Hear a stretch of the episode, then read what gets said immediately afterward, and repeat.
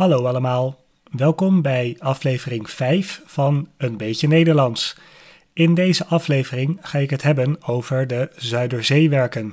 Vergeet niet dat je de tekst van de podcast kan meelezen op de website eenbeetjenederlands.nl. Ik zet de link van de website in de show notes. Nu door met de podcast.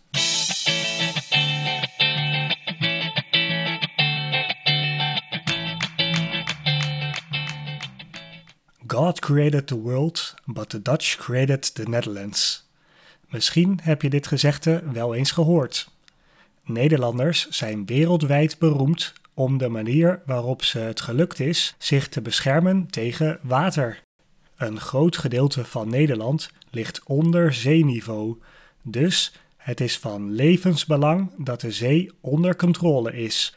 Er zijn twee beroemde bouwwerken die voor de veiligheid van Nederland zorgen. Er zijn de deltawerken, die liggen in Zeeland. En de andere zijn de Zuiderzeewerken. Over die laatste ga ik het vandaag hebben.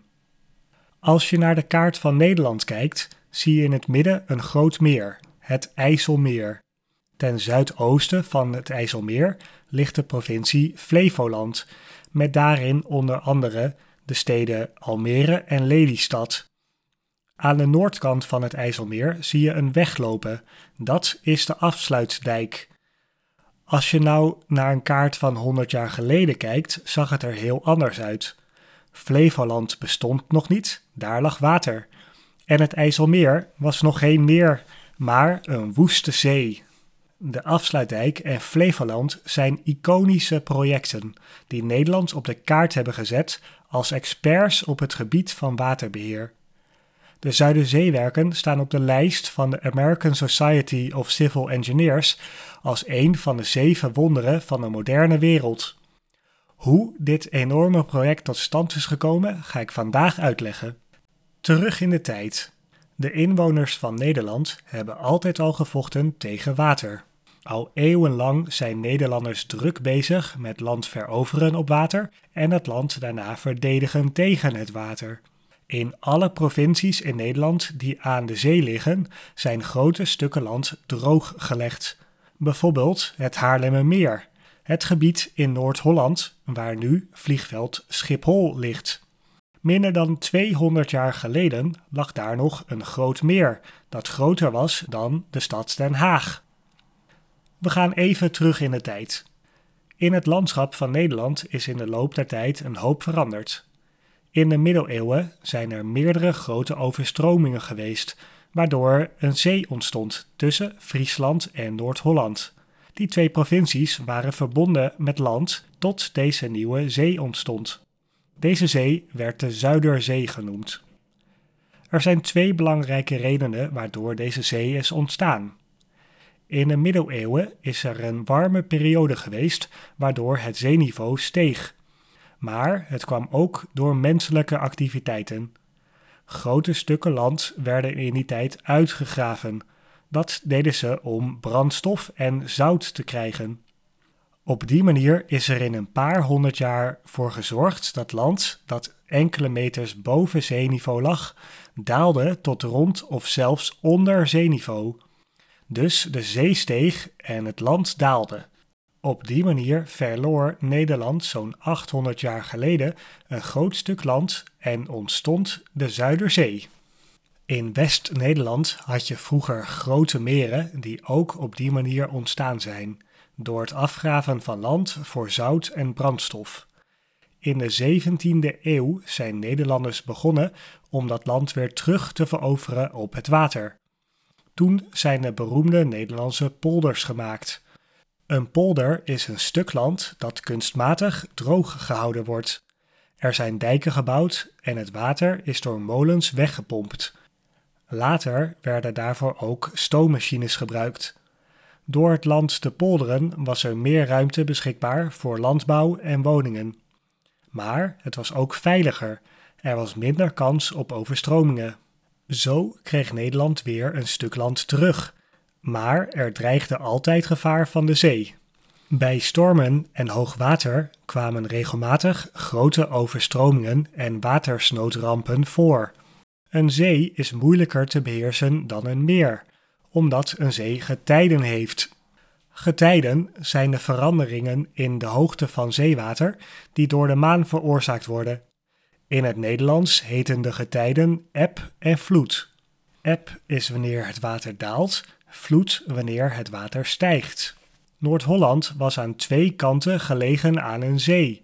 Aan de oostkant de Zuiderzee en aan de westkant de Noordzee. Er waren regelmatig watersnoodrampen, zeker 50 in de afgelopen 900 jaar. Er zijn al eeuwenlang mensen bezig geweest om na te denken over hoe dit probleem opgelost kon worden. Een van de plannen waar Nederland lang over nagedacht is, is het afsluiten en vervolgens polderen van de Zuiderzee. Maar lang was het technisch en financieel niet haalbaar om zo'n enorm project uit te voeren. Aan het einde van de 19e eeuw veranderde dat door de industrialisatie in Europa. In 1891 is er een nieuw plan gemaakt voor de zogenaamde Zuiderzeewerken door ingenieur Cornelis Lely. Naar hem zou later de nieuwe stad Lelystad vernoemd worden. Met de Zuiderzeewerken zou er nieuw land komen, wat hard nodig was voor landbouw en woningen. Verder zou het gevaar van de zee minder worden. Het plan was als volgt. De Zuiderzee wordt afgesloten van de Noordzee. Er komt daarvoor een dam van Friesland naar Noord-Holland. Deze dam heet de Afsluitdijk. Als de dam klaar is, is de Zuiderzee geen zee, maar een meer.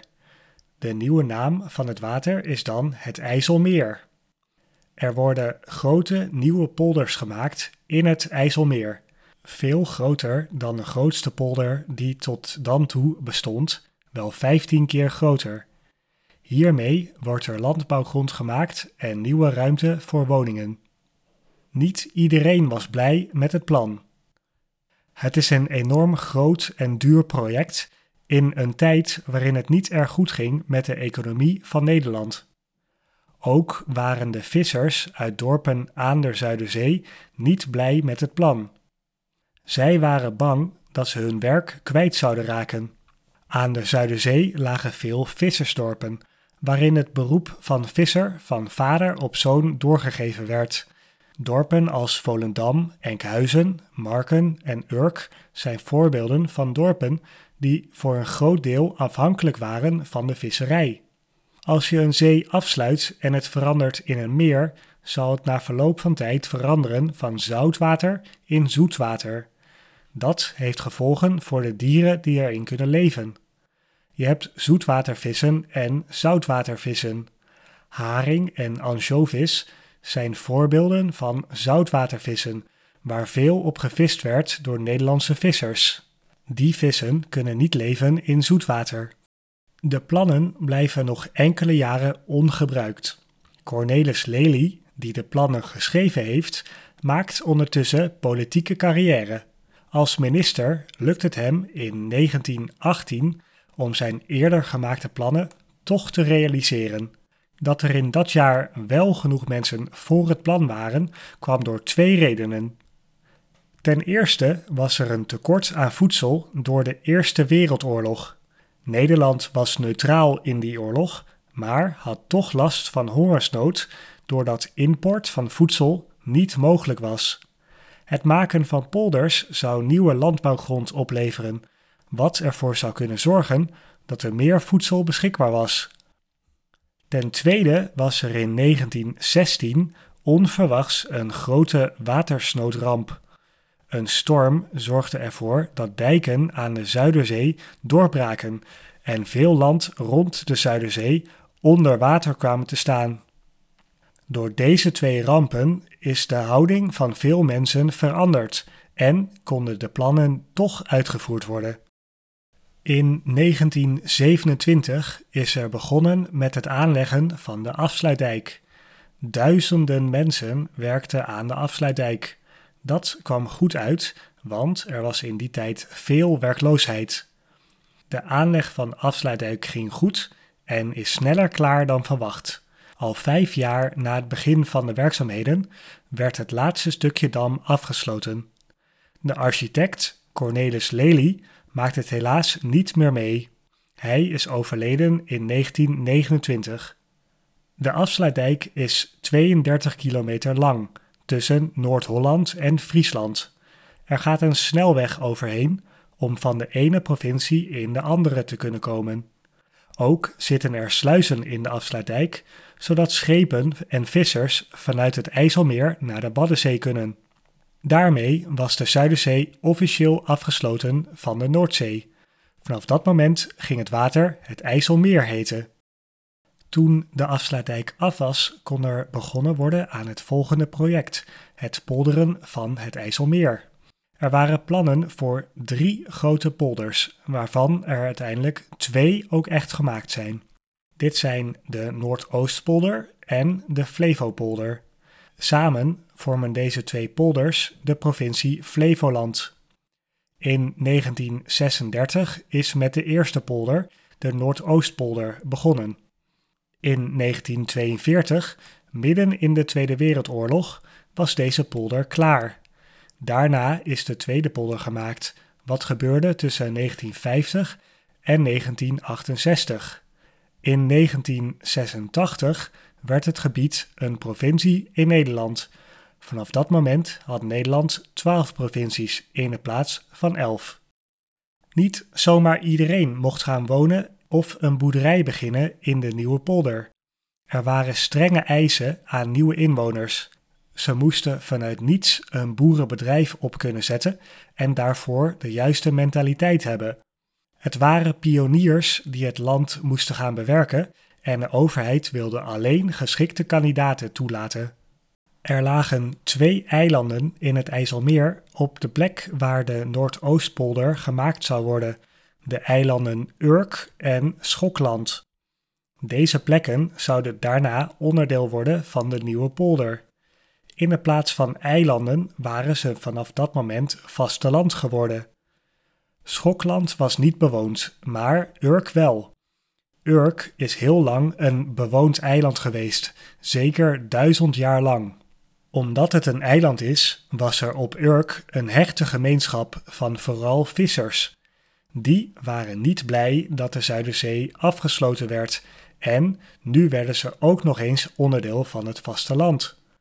Er is bij de plannen van de Zuiderzeewerken ook heel weinig rekening gehouden met Urk. Inwoners van Urk kregen weinig boerderijen toegewezen in een nieuwe polder, omdat de overheid ze daarvoor niet geschikt vond. Mede door deze geschiedenis is Urk nu nog steeds een hechte en eigenzinnige gemeenschap. En de derde polder, die is uiteindelijk niet gemaakt. Onder andere vanwege bezwaren van natuurorganisaties zijn de plannen hiervan nooit uitgevoerd. Hier ga ik het bij laten voor vandaag. Als je meer wil weten over de totstandkoming van de Zuiderzeewerken, kan je kijken op de website van de podcast.